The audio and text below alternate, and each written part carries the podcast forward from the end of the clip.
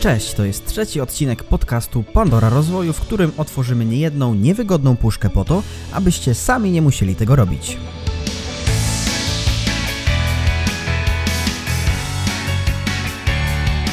Dzisiaj porozmawiamy o tym, jakie zagrożenia niesie za sobą rozwój osobisty. Czy warto czytać książki Briana Tracy i Tima Ferrisa oraz czy Dawid Świstek morsuje.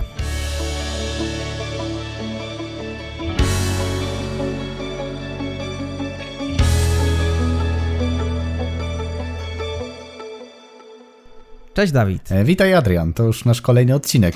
No, lecimy z tematem. Tak, to już trzeci odcinek tego podcastu. Także myślę, że z takim tempem, jak będziemy nagrywać i e, będziemy dzielić się wiedzą, to za jakiś czas, jak będziemy przeglądać naszą bibliotekę, to to będzie już taka kopalnia naprawdę konkretnej wiedzy, taka Pandora, która rozwiąże wiele problemów, które na pewno ludzie gdzieś tam mają na swojej drodze rozwoju.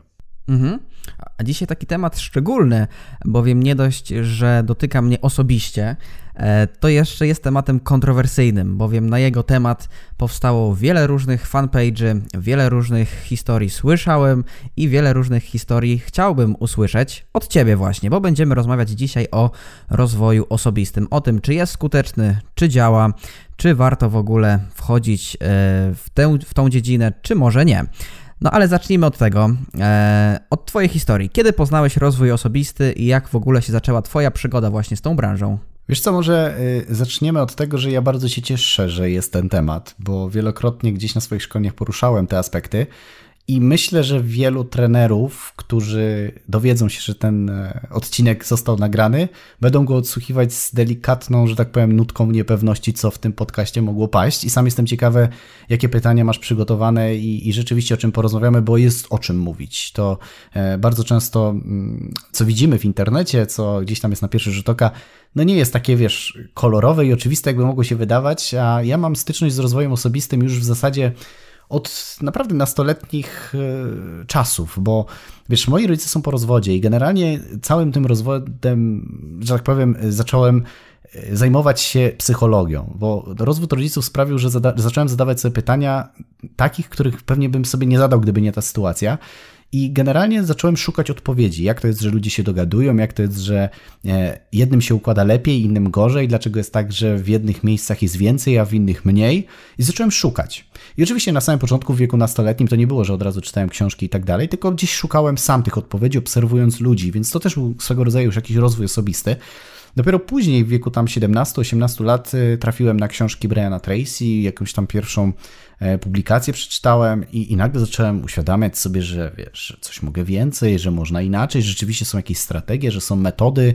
E, no i zacząłem to chłonąć bardzo intensywnie. Zacząłem bardzo mocno odcinać się od pewnych grup społecznych, z którymi miałem do czynienia. Zacząłem zmieniać troszkę swoje życie, bo nagle zauważyłem, że jednak to, co wydarzyło się w moich młodzieńczych latach, nie było dziełem przypadku, a pewnych mechanizmów, które można zdefiniować w określony sposób nazwać. Więc zacząłem od książek, więc to był może wiek jakiś taki nastoletni i, i to na samym początku wiadomo. No, Empik, książka i czytanie jakichś takich bardzo ogólnych informacji bez specjalnego zgłębiania się, jakiejś, wiesz, głębokiej eksploracji własnego ego, czy coś w tym stylu. Natomiast w ogóle uświadomienie sobie, że jest y, ta druga strona medalu, że jednak ten świat ma jakieś możliwości, że coś można z nim zrobić, ale nie do końca jeszcze wiedziałem, w którym kierunku to pójdzie, więc, więc to miałem naście lat wtedy, pamiętam. I to był pierwsze książki, to była Brian Tracy, z tego, o ile dobrze pamiętam. Mhm. A teraz nie mam tego pytania na liście, ale teraz właśnie mi przyszło do głowy, e, bowiem ono mnie bardzo mocno dotyka, bo e, wiem, że mm, uczestniczyłeś w wielu różnych szkoleniach, kursach i też jesteś chyba praktykiem NLP, zgadza się? Jestem praktykiem, jestem masterem, jestem nawet coachem i trenerem przez Polską Akademię NLP, nawet mam certyfikat samego Johna Grindera. No właśnie, mi niestety nie po drodze z NLP, ale o tym być może porozmawiamy w innych odcinkach. E, I też chciałbym się dowiedzieć, jak wpadłeś w ogóle na NLP, bo to jest taki ruch, który no, był popularny swego czasu w Polsce przez różne też programy telewizyjne, był promowany i tak dalej, ale nie wiem jak to wyglądało w Twoim przypadku i skąd w ogóle wpadłeś na to NLP. Wiesz co, no tak jak Ci powiedziałem, ja na samym początku, kiedy zacząłem czytać książki Briana Tracy, to większość jego pozycji dotyczyła biznesu i sprzedaży. I tam w tych książkach wielokrotnie gdzieś e, były takie tematy dotyczące perswazji, komunikacji, szukając jakichś takich następnych książek właśnie natrafiłem na taką dyscyplinę, dziedzinę, jakkolwiek e, ktoś to może nazwać metodykę, sposób pracy z umysłem, e, czyli neurolingwistyczne programowanie. I zgadzam się z tą w 100%. NLP ma różne koneksje i jedni uważają, że to jest remedium na całe złotego świata, inni uważają, że to w ogóle nie działa. Ja jestem w tej grupie, która dostrzega w tym duży potencjał i ogrom możliwości, ale widzi też pewne wady. Czyli to nie jest tak, że jakaś metoda sama w sobie jest zła bądź podejście, tylko jak my na to patrzymy i gdzie to wykorzystujemy. E, ja inwestując w NLP, e, dzięki temu, że w ogóle zacząłem o tym czytać, to też zacząłem poznawać nazwiska e, psychologów, psychiatrów, e, ludzi, do których bym nie, do, nie, nie, dowiedziałbym się prawdopodobnie z innej literatury, takiej bardziej twardej, jak ja to mówię, gdyby nie NLP, bo NLP z założenia powstało w wyniku modelowania różnych tam znanych e, postaci.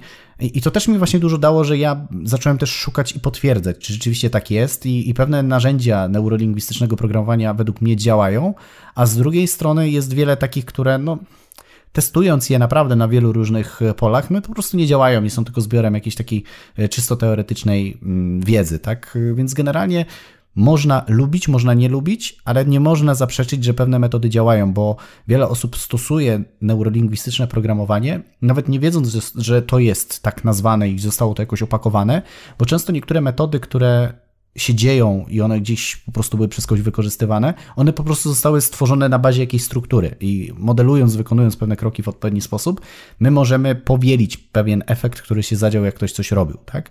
E, więc, więc ja jestem z tych osób, która, tak jak już zresztą mówiłem w poprzednich odcinkach, ja lubię balans. Nie jestem za tych, którzy będą teraz wielbić, pomimo moich certyfikatów e, i zrobione x szkoleń, ale też nie będę krytykował jakoś tak przesadnie, bo, bo z jednej strony widzę w tym duży potencjał, z drugiej strony widzę pewne zagrożenia. Mhm. I to jest chyba y, bardzo fajne podejście dla mnie i fajne nawiązanie do kolejnego pytania, bowiem kiedy już mamy ten fundament, czyli wiemy, kiedy z tym rozwojem osobistym i z NLP styczność miałeś, no to mogę zadać takie bardzo ogólne pytanie, które będzie tak jakby podstawą do pytań kolejnych. Jakie są Twoim zdaniem e, trzy, powiedzmy, największe wady rozwoju osobistego, a potem przejdziemy do zalet. I to pytanie zadaję celowo i celowo jest ono otwarte, po to, żebyś y, mógł sobie wybrać, w którą stronę chciałbyś pójść podczas tego podcastu.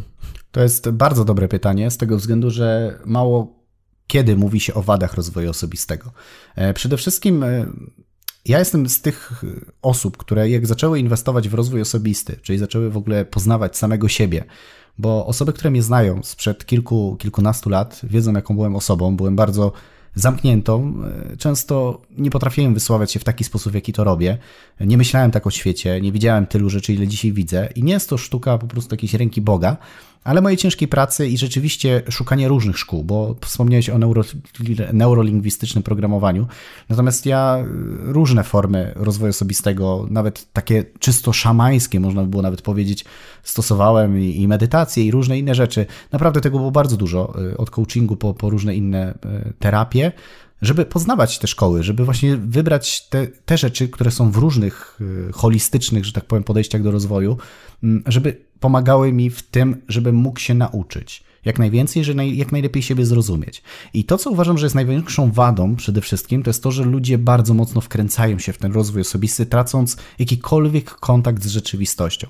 Jest to tak bardzo popularne, to jest tak bardzo mm, przykre, ja powiem naprawdę szczerze, bo, bo mi jest szkoda tych ludzi, których widzę, że jak seminarz z Junkies jeżdżą po wszystkich możliwych eventach, kupują wszystkie możliwe szkolenia, wszystkie możliwe kursy, ale ci ludzie z tym nie robią dosłownie nic. Naprawdę znam wielu ludzi, którzy wydali nie 100 zł, nie 1000 zł, ale często nawet biorą kredyty po to, żeby pojechać na jakieś długie szkolenie, bo wtedy mają takie wrażenie, że to jest taka tak zwana, ja to nazywam pseudointelektualizacja, czyli oni są wrażenie, że się uczą, ale to jest tylko wrażenie, które maskuje i w momencie, kiedy wracają do domu, to ten czar takiego fajnego, że jestem kimś, że jestem fajny, nagle się traci i trzeba jechać na następne, żeby znowu podtrzymać tą energię, ale za tym nie idzie żadna rzeczowa praktyka.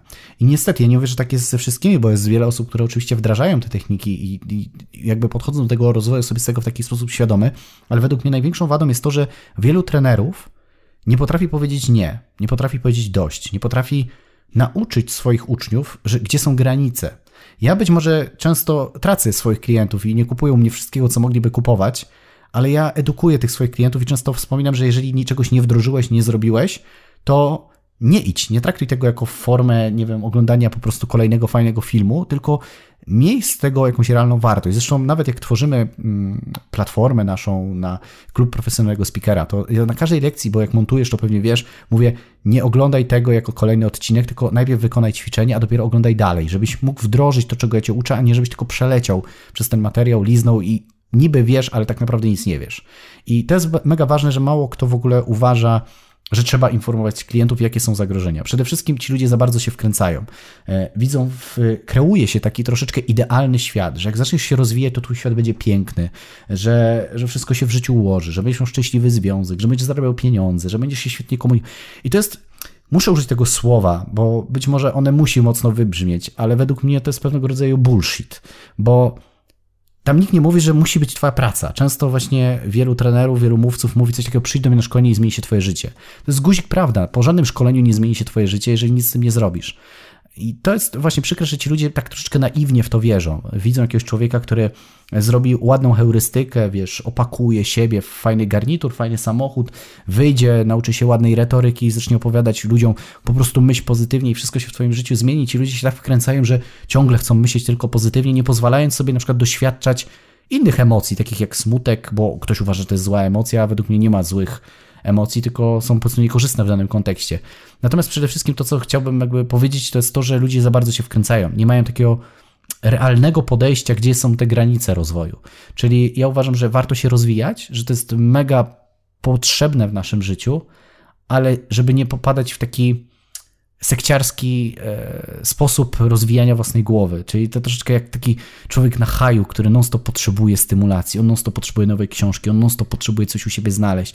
To jest takie, nigdy tego nie dogonisz. To jest taki króliczek, który zawsze będzie uciekał i ja uwielbiam się rozwijać, ale nie robię tego na siłę. Jeżeli nie czuję, że mam taką potrzebę, jeżeli to nie jest takie mm, przesadzone, że na przykład nic tylko się rozwijam i nie mam czasu dla moich normalnych znajomych, takich, którzy na przykład mogą nie chcieć się rozwijać, czy bo w moim życiu uważam, że też jest przestrzeń na to, żeby po prostu pójść na piwo, pograć w piłkę, a niekoniecznie za każdym razem rozmawiać o tym, co jest w rdzeniu naszej planety i czy ja się połączyłem ósmą czy dziewiątą czakrą, czy coś w tym stylu, bo, bo to, wiesz, to, to nie na tym polega życie.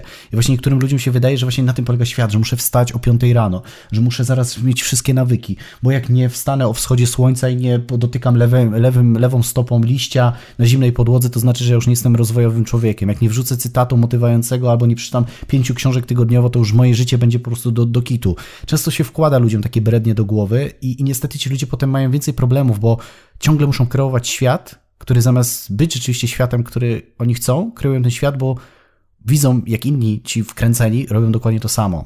I, I to rzeczywiście przypomina taką trochę sektę, więc to, co jest największą wadą, to właśnie wkręcanie. Druga rzecz to nieumiejętność wyciągania logicznych wniosków i wdrażania tego w praktykę. Część ludzi kupuje, konsumuje, czyli jak wchodzimy do McDonalda, jemy po prostu bez większej refleksji, co jemy, bo chcemy tylko zaspokoić głód. I tak samo jest często z rozwojem, że my idąc na szkolenie, czytając książkę, zaspokajamy jakiś jednorazowy deficyt. Czyli nie wiem, e, porzucił nasz partner, e, czy coś w tym stylu, potrzebujemy szybko poczuć się dobrze, więc nie wiem, szukamy jakiegoś rozwiązania, kupujemy poradnik, jak zdobyć kobietę, cokolwiek. Czujemy się przez chwilę dobrze, ale nie wyciągamy realnych wniosków z tego, co zrobimy. Nie zastanawialiśmy, po co to jest, co ma nam to dać, tylko szybko chcemy zaspokoić pewną potrzebę, tak? To jest takie bezrefleksyjne bardzo często mm, i po prostu konsumujemy, żeby mieć na ilość, nie na jakość. Ja uważam, że taki najlepszy rozwój jest taki, kiedy potrafimy obliczyć ROI, czyli zwrot z inwestycji. Jeżeli ja kupuję szkolenie z marketingu, bo widzę, że w mojej firmie na przykład marketing kuleje, to ja muszę wiedzieć, jakie będą efekty, czego ja oczekuję, jaki jest cel, co chcę wdrożyć, co muszę zrobić, czego ja się spodziewam. Wypisuję sobie i sprawdzam, czy ta osoba, która sprzedaje ten kurs, jest w stanie mi to dać, a jak nie, to szukam dalej. Jak znajdę, to wtedy wykorzystuję i tak długo pracuję nad tym kursem, aż będzie z tego ten zwrot, który ja sobie że tak powiem, wybrałem, a nie, że od razu kupuję następny kurs i następny, bo już jest pięć w kolejce. Znam takich ludzi, co mają wykupione 30 kursów, a zrobionych mają dwa. Wiesz, to jest jest jakaś masakra i według mnie to jest, to jest najważniejsze. A trzecia rzecz to podążanie za takim, e, za takim PR-em, marketingiem, a nie realną wartością. E, jest oczywiście jak w każdej branży i myślę, że w branży rozwoju osobistego jest tego też bardzo dużo, że jest dużo takich celebrytów, czyli ludzi, e, bardziej gwiazdorów, celebrytów, aniżeli realnych mentorów, którzy rzeczywiście pomagają ludziom. I tutaj nie będę żadnymi nazwiskami sypał oczywiście, bo, bo to każdy powinien sobie sam wybrać, natomiast uważam, że zamiast patrzeć, kto ma więcej lajków i jak bardzo marketingowo i medialnie ładnie ułożony jest, bo chyba nie będzie tutaj żadną tajemnicą, jeżeli powiem, że okładkę można sobie kupić, książkę można zlecić komuś, kto ci ją napisze, e, można kupić sobie miejsce na scenie, można zrobić naprawdę mnóstwo różnych rzeczy, jeżeli ma się pieniądze i w ciągu pół roku możesz stać się najbardziej popularnym trenerem. E, są takie przypadki i to nie jest wcale zasługa, że jesteś wybitny, tylko po prostu marketingowo odpowiednio pewne rzeczy sobie kupisz, opakujesz i, i wtedy ci ludzie, którzy cię nie znają, nagle już widzą, że jesteś super i wtedy kupują, a nie sprawdzają realnej wartości. Czy za tym idzie realna praktyka, realne doświadczenie, a na ile tam jest tylko i wyłącznie pewnego rodzaju opakowanie opakowanie i show. Więc, więc ja uważam, żeby przede wszystkim to, co powiedziałem jako pierwszą rzecz, to jest to, żeby nie popadać w skrajność i nie fokusować się tylko i wyłącznie na rozwoju osobistym, bo istnieje też alternatywa na tym świecie. E, I uważam, że czas poświęcony rodzinie, która się nie rozwija, też jest tak samo wartościowy jak spędzenie czasu na szkoleniu z ludźmi, którzy chcą się rozwijać. Kwestia podejścia i znalezienia, co jest fajnego, bo jeżeli masz problem z tym, że chodząc na szkolenie rozwoju nie masz czasu dla swojej rodziny, bo ona się nie rozwija, a znam takie przypadki, to znaczy, że coś z tobą jest nie tak. To nie jest wina rodziny. E, ale oczywiście na szkoleniu ci tego nie powiedzą. Druga rzecz to, żeby skorzystać z tego, co się kupuje, a nie gromadzić i konsumować bezrefleksyjnie.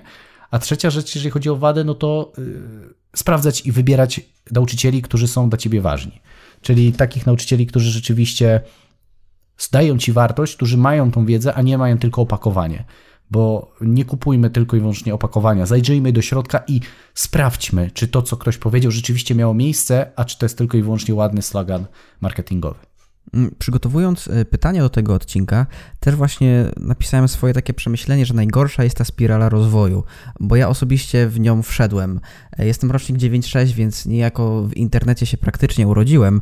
E, młody człowiek z ciebie, młody, młody bardzo człowiek, tak. Tobą. I jaki już świadomy. To jest piękne.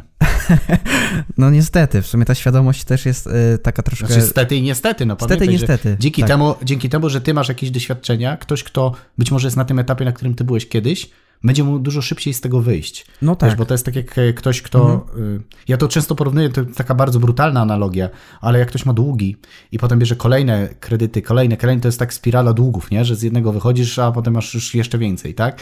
I tak samo jest z rozwojem osobistym, że do momentu, kiedy ktoś ci tego nie uświadomi, że to ma miejsce i że jesteś w takiej spirali, to ciężko jest coś z tym zrobić, nie? Mhm. No i właśnie też y, sobie przed, y, znaczy po zakończeniu studiów sobie zrobiłem takie podsumowanie, z, jeśli chodzi o pieniądze, które wydałem na rozwój osobisty. E, no i się okazało, że mógłbym za tę kwotę kupić sobie samochód, a nigdy takiej kwoty wcześniej na koncie nie miałem, więc nie wiem skąd te pieniądze. Ja ci, to, ja ci, to ja ci mogę powiedzieć, że ja wydałem na rozwój osobisty tyle, że mógłbym mieć ładny apartament w Warszawie. Aha, no. No to właśnie o tym mówię, że to jest ta spirala rozwoju i niekoniecznie. Tylko jest... wiesz, jaki jest paradoks? Mhm. Taki, że wydałem te pieniądze, ale dzięki temu już zarobiłem więcej niż wydałem. No właśnie, u ciebie to się zwróciło, a u mnie na ten ROI jeszcze nie patrzyłem, bo jeszcze nie byłem tego świadomy, nie? Ale jesteś teraz u mnie, pracujesz, zarabiasz. Teraz tak, spokojnie. teraz tak, jak najbardziej. Tak. Tak, tak. No musiałem przejść po prostu chyba tą drogę, e, jeśli chodzi... A być może gdyby nie to doświadczenie, nigdy byśmy nie rozmawiali na tym podcaście. Być może nigdy byśmy się nie spotkali. Kto wie, więc ja też jestem zdania, że nawet jak coś się wydaje, że coś jest złego, to w dłuższej perspektywie może to dać bardzo pozytywne skutki, jeżeli oczywiście potrafimy połączyć pewne fakty i wyciągnąć z tego wnioski, nie? Mhm, jak najbardziej. A to by było tyle, jeśli chodzi o wady. Zdaję sobie sprawę z tego, że jest ich więcej, ale prosiłem Cię tylko o trzy.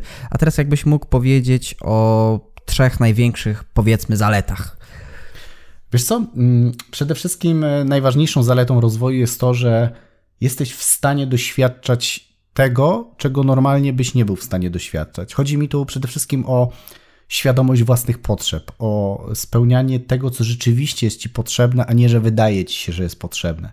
W momencie, kiedy poznajemy samego siebie, rozwijamy się, uczymy się, y, co nam przeszkadza, co nam się podoba, to też jesteśmy w stanie w bardzo świadomy sposób y, dawać sobie szczęście takie, które jest realnym szczęściem, a nie iluzją szczęścia. Ja nigdy nie sądziłem, że moim szczęściem będzie posiadanie psa i dopiero rozwój osobisty, czas, dojrzewanie do pewnych decyzji sprawiło, że y, wiesz, mam pieska, z którym jestem mega szczęśliwy i nie wyobrażam sobie teraz żyć bez psa. E, tak samo jest z wieloma innymi rzeczami. Ja naprawdę często jem jedzenie e, i często mam tak, że na przykład jedząc pomidora się cieszę gdzie wcześniej takie rzeczy w ogóle nie sprawiały mi radości. Gdzieś, gdzie jestem na spacerze i widzę jakąś piękny widok nad jeziorem, bo akurat słońce się odbija od y, tafli wody i, i to mi sprawia radość, takie momenty, gdzie wcześniej bezrefleksyjnie po prostu konsumowałem, wiesz, szybko, piwo, wyjście z kolegami, e, jakiś mecz, e, film i tak dalej, wiesz, żeby tylko rano wstać do pracy i tak dalej. Mm, a rozwój powoduje, że patrzysz na świat dużo dojrzalej. W takim sensie, że cieszysz się z rzeczy, które z pozoru są takie bardzo oczywiste, ale też z drugiej strony nie popadasz aż tak bardzo we frustrację, kiedy coś nie wychodzi, bo jesteś świadomy tego, że w momencie, w którym jest wiele rzeczy pięknych, też jest wiele rzeczy złych, na które nie mamy wpływu i one są częścią naszego życia i one też nie kontrolują ciebie tak bardzo. Czyli nawet jak ktoś mówi w moją stronę, nie wiem, powiedzmy jakiś hejt czy jakiś krytykę, to ja doskonale zdaję sobie sprawę, że on to też robi z jakiejś pozytywnej intencji, być może ma emocje, nad którymi sobie nie radzi. I rozwijając się, uświadamiasz sobie takie rzeczy, więc ty też aż tak bardzo nie popadasz w te skrajne emocje. Ja uważam, że bycie świadomym człowiekiem to jest taki klucz, który, który powinniśmy osiągnąć, żeby być świadomi, dlaczego chcemy pójść na spacer, dlaczego nie chcemy, jeżeli nie chcemy, to dlaczego i też mamy do tego pełne prawo y, i tak dalej. I właśnie rozwój pozwolił mi uzyskać taką kontrolę. Ja mam takie wrażenie, że nie tyle że ja siebie kontroluję, ale że wszystko to, co jest to, to, co mnie otacza, że jestem w stanie w jakiś sposób nazwać, że jestem w stanie wiedzieć, dlaczego tak się wydarzyło, dlaczego jest tak, a nie inaczej. Kiedy mam gorszy dzień, to ja jestem w stanie połączyć kropki, bo wiem, z czego to wynika i nie mieć do siebie pretensji, że mam gorszy dzień, bo, bo nie jestem aż tak zafiksowany, ale z drugiej strony mam takie poczucie, że płynę w tym świecie jakoś tak bardziej świadomie, bardziej nie, nie jestem bierny, że nikt mną nie pociąga sznurkami, jak się wielu ludziom może wydawać, tylko oczywiście dostosowując się do pewnych rzeczy, na które nie mam wpływu, ale to mi daje takie poczucie bezpieczeństwa. Więc rozwój daje na pewno taką świadomość i bezpieczeństwo. Druga rzecz to przede wszystkim dużo głębsze relacje, dużo głębsza komunikacja, czy to nawet z klientami, e, z odbiorcami, z partnerem, e, z kimkolwiek. Rozmawiając z takim człowiekiem, kiedy jesteś człowiekiem, który się interesuje rozwojem osobistym, widzisz w drugim człowieku dużo więcej. W takim sensie jesteś bardziej go ciekawy, słuchasz y, z dużą taką e, niepewnością, co ta osoba za chwileczkę może ci powiedzieć, i, i, i, ludzie mnie za każdym razem zaskakują. Im częściej spotykam ludzi, tym bardziej się cieszę, że tyle miliardów ludzi jest na świecie, bo, bo naprawdę każdy może cię czegoś nauczyć. I nawet jadąc za granicę, patrzysz na inną kulturę, zupełnie inaczej niż jak wcześniej się jechał na wakacje, żeby po prostu poimprezować. I to daje właśnie też rozwój osobisty, że patrzysz dużo ciekawiej na człowieka, a kiedy jesteś ciekawy drugiego człowieka, to też inaczej z nim budujesz relacje. Ja rozmawiając z moją mamą, z moją babcią, z moim bratem, z przyjaciółką, z przyjacielem, z kimkolwiek, e, zupełnie inaczej patrzę na tych ludzi niż patrzyłem zanim zacząłem interesować się rozwojem, bo wiem na co patrzeć. I to też rozwój daje właśnie taki dostęp do takich rzeczy, na co się e, fokusować. A przede wszystkim w momencie, kiedy się rozwijamy, rzeczywiście mamy dużo większe możliwości w życiu. Ja dzisiaj nie boję się tak naprawdę niczego. Mm, wiesz, mówią ludzie, że boimy się śmierci. Ja wiem, że śmierć jest nieunikniona i jak najbardziej wiem, że to kiedyś nastąpi jakoś się tego niespecjalnie boję, ale przede wszystkim nie boję się tego, że sobie w życiu nie poradzę. W takim sensie, że jakbym miał, nie wiem, wyjechać na drugi koniec świata i być może miałbym dużo mniej niż mam dzisiaj, mając tą wiedzę, którą mam, jestem w stanie się dużo szybciej zaadaptować ponieważ wiem na co zwracać uwagę, czego nie robić, jak słuchać, czego nie słuchać, lepiej radzić ze swoimi emocjami, być bardziej mm, elastycznym, bardziej kreatywnym. I tego wszystkiego nauczył mnie właśnie rozwój osobisty, więc ja mam takie poczucie, że, mm, że bez względu na to, co się wydarzy, widzisz, nawet czy koronawirus, czy cokolwiek, że ja mam takie poczucie lekkości, że dam sobie radę, bo wiem, po prostu wiem i, i czuję, znam swoje możliwości, znam swój potencjał, wiem, jak dużo rzeczy jestem w stanie zrobić, y, czuję swoją wartość jako człowiek, y, mam wysokie poczucie pewności siebie. Oczywiście nie we wszystkich możliwych kontekstach, ale co do zasady wiem, że bez względu na to, co się może wydarzyć, to właśnie dał mi rozwój osobisty, że czuję się taki jak troszeczkę e, Messi na boisku. Kiedy grasz i masz dobre kompetencje, to bez względu na to, jak będzie trudny mecz, wierzysz po prostu w to, że będzie dobrze. I, i to nie jest jakieś takie przesadne, wiesz, o, wszystko mogę, jestem cudotwórcą, bo ja wiem, że są ograniczenia i nie wszystko będę w stanie w życiu zrobić. Na przykład nigdy nie będę prezydentem Stanów Zjednoczonych, ale Jestem przekonany, że naprawdę, jakbym dzisiaj pojechał gdzieś za granicę, bym spakował się albo miałbym się przebranżowić, zacząć pracować w innej branży. Kwestia poświęcenia chwili czasu, e, poznania rynku, wiedziałbym jak ten rynek poznawać, w sensie jak na niego patrzeć, jak rozmawiać z tymi ludźmi i bym sobie świetnie poradził i to też mi dał właśnie rozwój osobisty. Mhm. E, a wyobraź sobie, że masz przed sobą osobę, która ma lat 18, 19, 20, ma jakieś 1000 zł powiedzmy na rozwój osobisty i na rozwój osobisty chce go przeznaczyć, to jakie rady możesz dać takiej osobie, żeby wyciągnęła ona z rozwoju jak najwięcej? Jak najwięcej y, może za te 1000 zł? Czy jest na to jakiś przepis konkretny, na co zwrócić uwagę, kiedy się inwestuje w rozwój osobisty? Przede wszystkim zastanowić się, co jest dzisiaj mi najbardziej potrzebne, czyli co mnie najbardziej boli.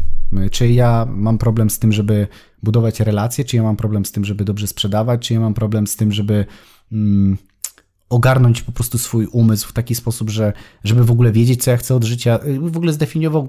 Ja wiem, że to jest trudne w wieku 18 lat, e, ale zadałbym sobie pytanie, co jest dzisiaj mi najbardziej potrzebne. Ja zalecam zacząć rozwój osobisty od tego, żeby rozwój osobisty przekładał się bezpośrednio na zarobki. Mało kto o tym mówi, ale ładniej jest słuchać frazesów medytuj, mm, odpoczywaj, wiesz, business and pleasure i tak dalej, i tak dalej, wiesz, te wszystkie fajne mindfulness i tak dalej, w momencie, w którym nie masz pieniędzy. To może powiedzieć tylko ktoś, kto ma pieniądze, ponieważ, y, wiesz, jeżeli siedzisz w domu i chcesz medytować i uspokajać swój umysł, a w momencie, któryś tam za drzwiami ktoś puka, jakiś komornik, bo ci chce zabrać telewizor na przykład, no to jak możemy mówić o jakiejkolwiek medytacji? Jeżeli ktoś ma, wiesz, 500 zł na miesiąc, a ktoś mu mówi jedź na wakacje i doświadczaj życia, bo życie jest piękne, no to słuchaj, no jedyną rzeczą, która mi się pojawia w głowie, to po prostu otworzyć, wyciągnąć cegłówkę i rzucić w kierunku tej osoby, bo no to, to, to, to, to nie ten etap. Ja bym skupił się na samym początku przede wszystkim na tym, jak ten rozwój osobisty, czyli które kompetencje dzisiaj, jako ja, jako Dawid Świstek, byłyby mi przydatne do tego, żebym mógł to jakoś spieniężyć. Bo ktoś może powiedzieć, pieniądze szczęście nie dają. Wiesz, dla, mnie one są pewnym etapem takiego mm, dawania ci bezpieczeństwa i spokoju. Przede wszystkim chodzi o to, że w momencie, w którym masz już jakiś zasób pieniędzy, dużo łatwiej jest ci wejść głębiej w ten rozwój osobisty. Więc ja bym najpierw skupił się na tym, co jest dzisiaj najważniejsze, czyli jak nauczyć się sprzedaży, jak nauczyć się komunikacji, być może jakiejś autoprezentacji, żeby lepiej się zaprezentować podczas rozmowy kwalifikacyjnej. Czyli takie kompetencje, które będziesz mógł szybko i realnie wdrożyć, które dadzą ci od razu szybki zwrot. Czyli to, co zainwestowałby te 1000 zł, że one szybko się zwrócą. Bo jeżeli nauczysz się ładnie prezentować, to szybciej znajdziesz pracę, a ta praca wiadomo, że jak będziesz zarabiał 3-4 tysiące złotych, to po jednym miesiącu już dostaniesz zwrot z tego tysiąca. Natomiast jak kupisz kurs medytacji, będziesz medytował, no to raczej na rozwój kwalifikacyjny nie usiądziecie i nie będziecie sobie tam kontemplować w jakiejś ciszy, bo, bo to nie o to chodzi.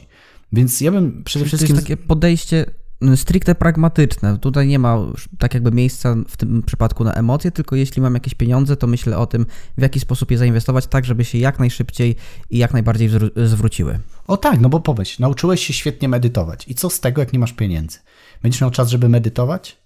Bo ja wiem, jak wyglądały czasy, kiedy tych pieniędzy było mniej, kiedy musiałem zaczynać i gdyby ktoś mi wtedy powiedział, że mam usiąść i medytować, gdzie człowiek się zastanawia, jak ma na przykład wiązać koniec z końcem, czyli na przykład masz dzisiaj firmę, kryzys, musisz dzwonić pracownikom, a ktoś mówi, ale uspokój się, usiądź sobie, pomedytuj, wiesz, wszystko będzie dobrze, no to to, to, to może powiedzieć tylko ktoś, kto rzeczywiście ma ten spokój wynikający z pewnego poczucia bezpieczeństwa finansowego. I mało kto właśnie o tym mówi w rozwoju, czyli wciskają często ludziom właśnie do głowy to, żeby kupowali książki, jak być szczęśliwym, nie mówiąc o tym, że bycie szczęśliwym zaczyna się od pewnego, y, jak to się mówi, egzystencjonalnego poziomu.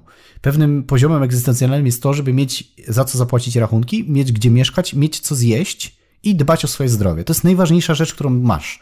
Jak o to zadbasz i masz pieniądze, i te pieniądze są regularne, stałe, o czym musimy pamiętać, że one nie mo mogą być E, stałe do pewnego poziomu, no bo jak będzie znowu jakiś e, kryzys, o czym mówiliśmy w poprzednim odcinku, to warto się przygotowywać. Więc e, na przykład, jeżeli już masz dobrą pracę, tak jak ja to zrobiłem, pracowałem w korporacji, gdzie zarabiałem naprawdę bardzo dobre pieniądze w moim wieku, ja zacząłem rozwijać się i uczyć się innych kompetencji, właśnie bycia trenerem, bycia coachem, rozwijania się tych rzeczy, które chciałem, żeby były moim zawodem. Nikt mi nie dawał gwarancji, ale ja pracowałem, inwestowałem te pieniądze w to, żeby, żeby to mi przynosiło potem pieniądze, jak się okazało słusznie, a niektórzy wydawali pieniądze na szybkie takie rzeczy, typu wiesz, samochód, mieszkanie, lepszy ciuchy i tak dalej, konsumowali te pieniądze bardzo szybko.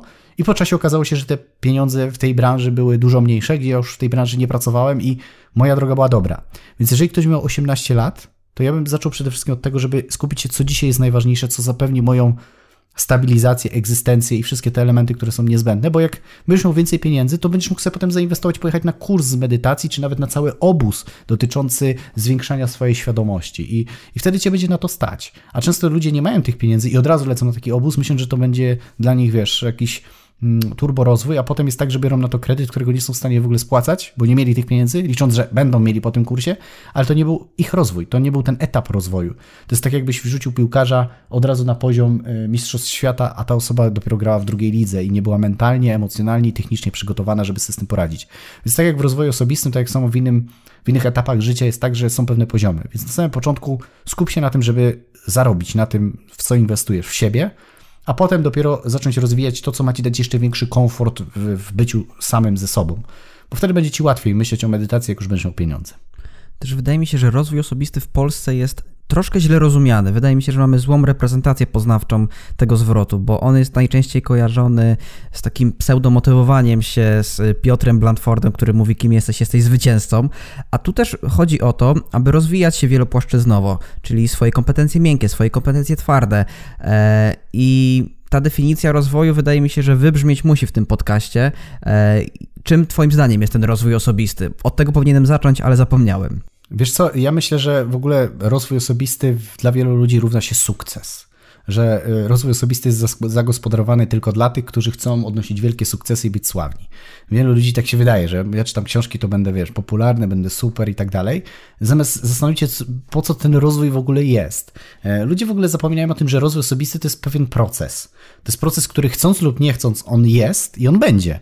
Bo nie, nie może ktoś powiedzieć, że ja się nie rozwijam, bo to jest kłamstwo. Każdy się rozwija w szybszym bądź w wolniejszym tempie, bo kiedy się uczysz, kiedy nawet popełniasz błędy, bo, bo nie wiedziałeś jak ten, to i tak się rozwijasz, bo do, do, zdobywasz te doświadczenia. No, człowiek, który już jest 50 lat na świecie, nie może powiedzieć, że się nie rozwija, bo on się rozwija, ale być może nie robi tego w sposób świadomy. I ja uważam, że rozwój osobisty przede wszystkim to jest takie poznawanie samego siebie w takich obszarach, w których ty uważasz, że jest to dla ciebie dzisiaj korzystne i potrzebne, a nie jest to pewna forma zabawy albo forma zaspokojenia wolnego czasu, bo ja nie wiem, co ze swoim życiem zrobić. To jest dla mnie rozwój osobisty, żeby być ciekawym samego siebie.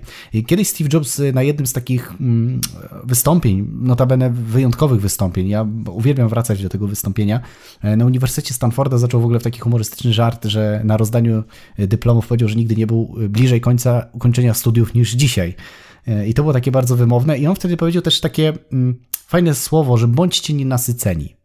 Ja kiedyś tego nie rozumiałem, co, co, co mu chodziło, być nasyconym, czyli co głodnym, że co mam iść jeść, czy, czy coś w tym stylu, a dopiero potem zrozumiałem, że chodzi o to, żeby być e, nienasyconym samego siebie i nienasyconym życia, żeby być ciekawym życia. I według mnie rozwój osobisty pełni taką rolę właśnie eksplorowania tego świata, w którym my żyjemy, czyli poznawania siebie, poznawania innych, poznawania jak dużo mogę się nauczyć, jak dużo rzeczy można osiągnąć, gdzie są moje ewentualne jakieś luki, które warto ewentualnie poprawić, a nie, że rozwój osobisty sam w sobie jest jakimś remedium.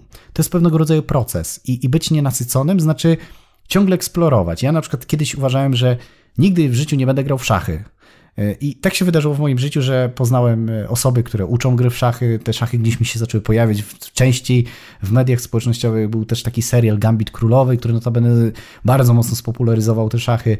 I, I też zacząłem się uczyć. Być może nie pociągnąłem tego, bo to nie jest jakieś takie możesz, moja pasja, ale od czasu do czasu uruchamiam sobie aplikacje, gram sobie w szachy, znam zasady e, i być może nigdy nie będę szachowym mistrzem, ale okazało się, że mogę logicznie myśleć, gdzie uważałem, że kiedyś, e, że to kompletnie nie jest dla mnie. E, I właśnie rozwój osobisty dla mnie jest takim, takim pewnym procesem, takim byciem ciągle nienasyconym, bo on się nigdy nie kończy. Jak ktoś powie, że zrobisz jedno szkolenie, że będziesz wszystko na swój temat wiedział, to kłamie. To jest ciągły proces i ja uważam, że w wieku 70 lat jakbym odsłuchiwał to, co dzisiaj mówię, to pewnie, o, Dawid, tego nie wiedziałeś, tam tego nie wiedziałeś. I pewnych rzeczy nie da się kupić na szkoleniu, pewnych rzeczy nie da się przeczytać. Rozwój osobisty też jest doświadczanie. Dlatego to też to, co wcześniej powiedziałem, że często ludzie, będąc na szkoleniu, jak nie sprawdzają, nie praktykują, nie eksplorują pewnych tematów, które ktoś kiedyś chciał im pokazać, przekazać, to nie mają tego doświadczenia. A istnieje coś takiego, mogą sobie ludzie wygooglować jak cykl Kolba, czyli w jaki sposób my zdobywamy kompetencje poprzez właśnie refleksję, doświadczenia, wyciąganie wniosków, praktykę to, to też pokazuje, w jaki sposób my się możemy szybciej uczyć. I, I, uważam, że rozwój osobisty jest właśnie procesem, a nie jakimś elementem albo punktem, celem samym w sobie bardzo mnie ta odpowiedź zafascynowała, sobie to nawet zanotowałem, że rozwój osobisty to jest proces i powiedziałeś jeszcze, że on się dzieje samoistnie, czyli albo możemy przeżyć go świadomie, albo nieświadomie. I też e, wchodzenie w ten rozwój osobisty polega na tym, aby świadomie przeżyć swoje życie, no bo chyba na tym to wszystko polega. E, no, no jednocześnie... No, no popatrz, no popatrz bardzo prosty przykład. Mhm. Jeżeli masz firmę, możesz prowadzić tą firmę i ona będzie się rozwijać pozytywnie lub negatywnie, no bo w którymś kierunku ta firma pójdzie, ten jej rozwój. To jest tak jak wiesz, z różnymi rzeczami, no jeżeli masz e, kanapkę, no to możesz ją zjeść i ona się rozwinie w sposób pozytywny, bo da ci pożywienie i gdzieś tam zregeneruje twoje ciało, ale możesz tą kanapkę zostawić na blacie, nie zjeść i ona też się rozwinie, ale na niej urośnie coś innego, nie do końca coś, co chciałbyś skonsumować, tak? Więc zawsze w którymś kierunku ten rozwój pójdzie. Jak masz firmę i nie będziesz rozwijać jej w sposób świadomy, czyli nie zainwestujesz troszkę w naukę, jak robić lepszy marketing, jak lepiej obsługiwać klientów, jak poukładać proceduralnie, jak zarządzać dobrze finansami, budżetem firmowym i tak dalej, i tak dalej, no to ta firma będzie się rozwijać. Ale jaki efekt będzie tego rozwoju, to zobaczymy dopiero za jakiś czas. Czasami ktoś intuicyjnie pewne rzeczy robi i fajnie, ale uważam, że właśnie to jest to, co powiedziałeś, ten świadomy rozwój, czyli taki, gdzie obserwujesz i widzisz, że ten proces ma miejsce, jest dużo lepszy niż taki, a co, się, co, co będzie się działo, to się będzie działo. No dobrze. Było miło. A teraz chcę zadać pytanie, które być może też będzie miłe, ale nie wiem. E, jakiego trenera z Polski polecasz? Którego trenera warto obserwować? I nie chodzi mi tylko o trenerów, którzy mówią, żeby sięgać tam, gdzie wzrok nie sięga, e, tylko chodzi mi ogólnie o trenerów, którzy zajmują się ogólnie pojętym rozwojem osobistym na różnych płaszczyznach, czy to kompetencyjnych, e, czy też jakichś umiejętnościowych. No, jakich trenerów byś polecił? Wiesz co, przede wszystkim znam takiego jednego, którego bardzo mocno mogę polecić. Jest nim Dawid Świstek. Jest to naprawdę wyjątkowy trener.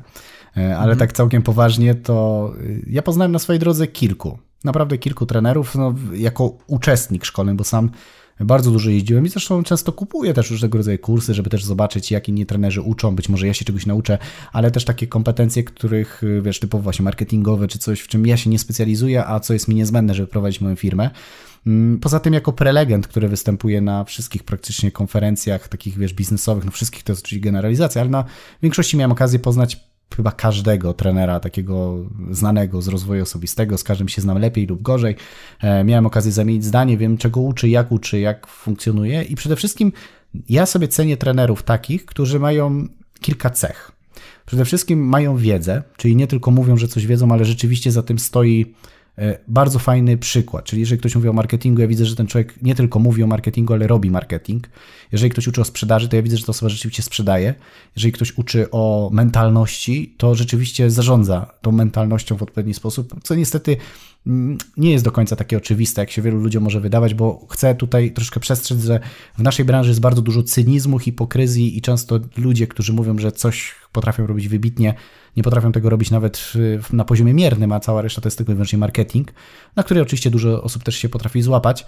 Niemniej jednak jest taka osoba, która jest mi bardzo bliska, którą poznałem też na początku mojej drogi, jest to Aleksander Sienkiewicz, e, który uczy takiej mm, sprzedaży bardzo naturalnej, takiej ludzkiej.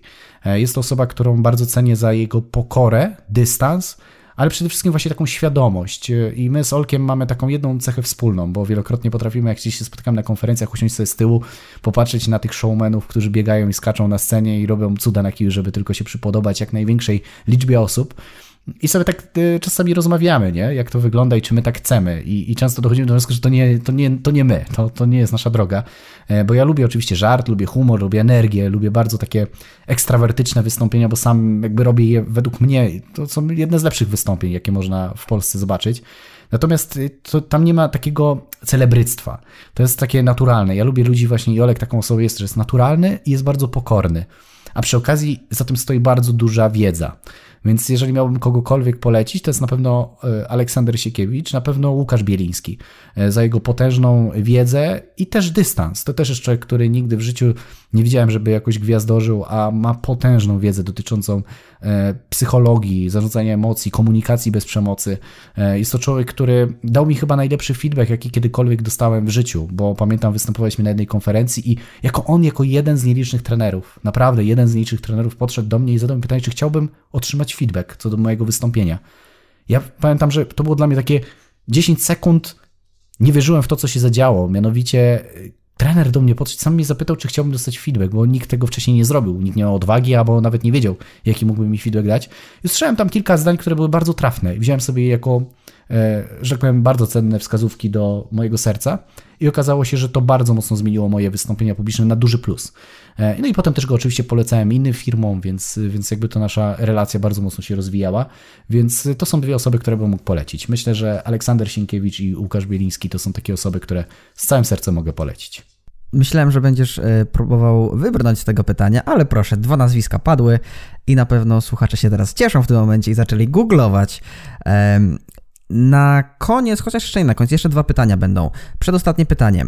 Czy warto czytać y, zagranicznych autorów, na przykład Tonego Robinsa czy Tima Ferrisa i wykorzystywać ich rady na gruncie polskim? No bo w skrócie wiemy, że ludzie w USA i ludzie w Polsce się tam niczym szczególnym nie różnią. Jedzą, piją, spotykają się z przyjaciółmi i tak dalej, ale jeśli chodzi o sytuację geopolityczną, no to mamy troszkę inny układ. Jeśli chodzi też o różnice w kosztach życia, też to wygląda inaczej. Więc czy warto inspirować się zagranicznymi coachami i trenerami rozwoju osobistego?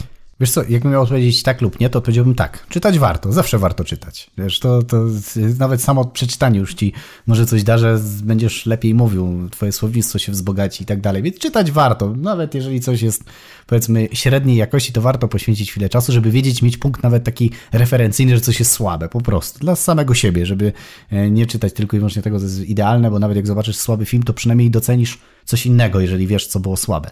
Natomiast e, poruszyłeś no tak, bardzo... to był mój błąd. To widzisz, dlatego tak jakby odpowiadając na twoje pytanie, warto czytać. Natomiast jeżeli miałbym odpowiedzieć na drugą część e, tego pytania, czyli czy, czy to można wykorzystać, to ja bym jednak przestrzegał przed takim e, bezrefleksyjnym właśnie korzystaniem ze wszystkich rad, bo, bo niektóre rady, nawet przetłumaczone na język polski, nie do końca się sprawdzą u nas w kraju. I, i często jest tak, że wiele metod oczywiście może mieć fajnie mm, zastosowanie, ale zadałbym sobie pytanie, czy to, co pisze autor, czy to ma wpływ na ludzi. Bym to przetestował i obserwowałbym, czyli nie robiłbym ślepo tego, co piszą w tych książkach, ale bym sprawdził, zweryfikował na jakimś takim być może bezpieczniejszym gruncie, być może na jakimś zaufanym gronie klientów, którzy wiesz, że jak popełnisz jakiś błąd, to od razu nie uciekną, e, a będziesz miał przynajmniej informację zwrotną, czy to jest fajne, nie? Bo, bo często jak przekoloryzujemy, a umówmy się, na przykład, wiesz, w Stanach Zjednoczonych wszystko musi być duże, wielkie, myśl pozytywnie i wiesz, tam ludzie po prostu tak żyją, to jest taki kraj, taka mentalność. U nas w Polsce wyjść na ulicę i krzyknij na przystanku, będziesz mistrzem, jesteś wielki, myśl pozytywnie, wszystko możesz osiągnąć, to możesz szybko dostać prezent od kogoś na przystanku, no nie? Niekoniecznie taki, jaki byś chciał otrzymać. Natomiast, y, wiesz, no Trzeba to dostosować. Oczywiście mm, nie warto się zamykać też, tak ja to mówię, w takiej puszce Pandory, że o nie, w Polsce to już nic nie można zrobić, bo nasza mentalność, bo coś tam, bo jest dużo oczywiście ludzi, którzy... Ja jestem taką osobą, troszeczkę, muszę się do tego przyznać, że ja mam taki... E, amerykański mindset. Ja jestem z tych osób, które pewnie jakby zamieszkała w Stanach Zjednoczonych, to bym się genialnie odnalazł w tym ich sposobie myślenia. Często ten sposób jest bardzo fajny, oczywiście mają pewne zasady, które są brutalne i tam, e, no tak jak służba zdrowia czy inne rzeczy, no trzeba po prostu je zaakceptować.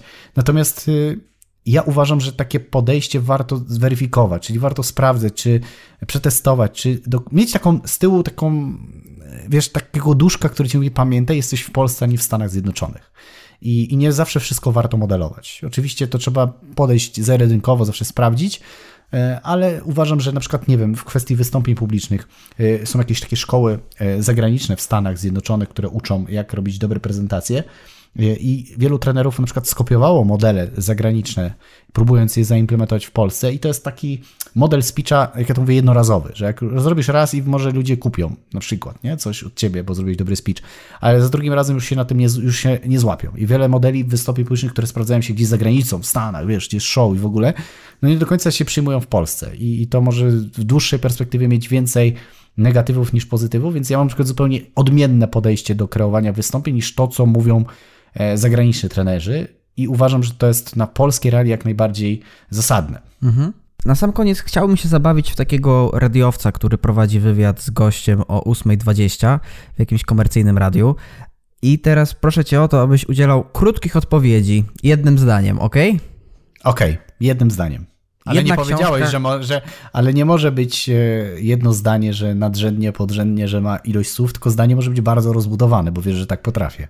Znaczy, no zdaję sobie z tego sprawę, Widzisz? ale starałem się ja, unikać dam takiego... ci od razu radę, że jeżeli zadajesz pytanie, to jest taka moja rada, staraj się na tyle precyzyjnie określić ramy pytania, żeby odbiorca, któremu zadajesz pytanie, nie mógł y, mieć zbyt dużej do, dowolności interpretacji, albo żeby nie mógł pozwolić sobie na więcej niż ty chciałbyś, żeby sobie pozwolił, bo potem musisz stopować słuchacza.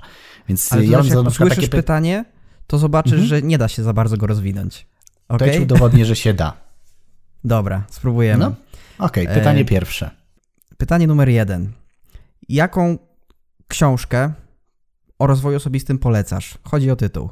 Okej, okay, wiesz co, musiałbym tutaj mm, naprawdę prześledzić całą swoją bibliotekę, którą e, przeczytałem, żeby wybrać tą jedną, ponieważ jak wiesz, jako mówca, jako trener, E, no, mówienie czegokolwiek, czy nawet teraz powiedzenie tego jednego tytułu, to jest bardzo duża odpowiedzialność, bo ten słuchacz być może za chwilę wejdzie, wygoogluje, będzie chciał ją kupić, przeczyta, e, a chciałbym, żeby kupił tą, którą rzeczywiście ja uważam, że jest dobra. Więc musielibyśmy przede wszystkim przedyskutować, czy wybieramy jakąś taką książkę dotyczącą szeroko pojętego rozwoju, czy jakiejś kompetencji, czy takiej książki, która mnie bardzo mocno zmieniła, czy taka, która dała mi więcej wartości, czy taka, która była inspiracją do jakiegoś projektu.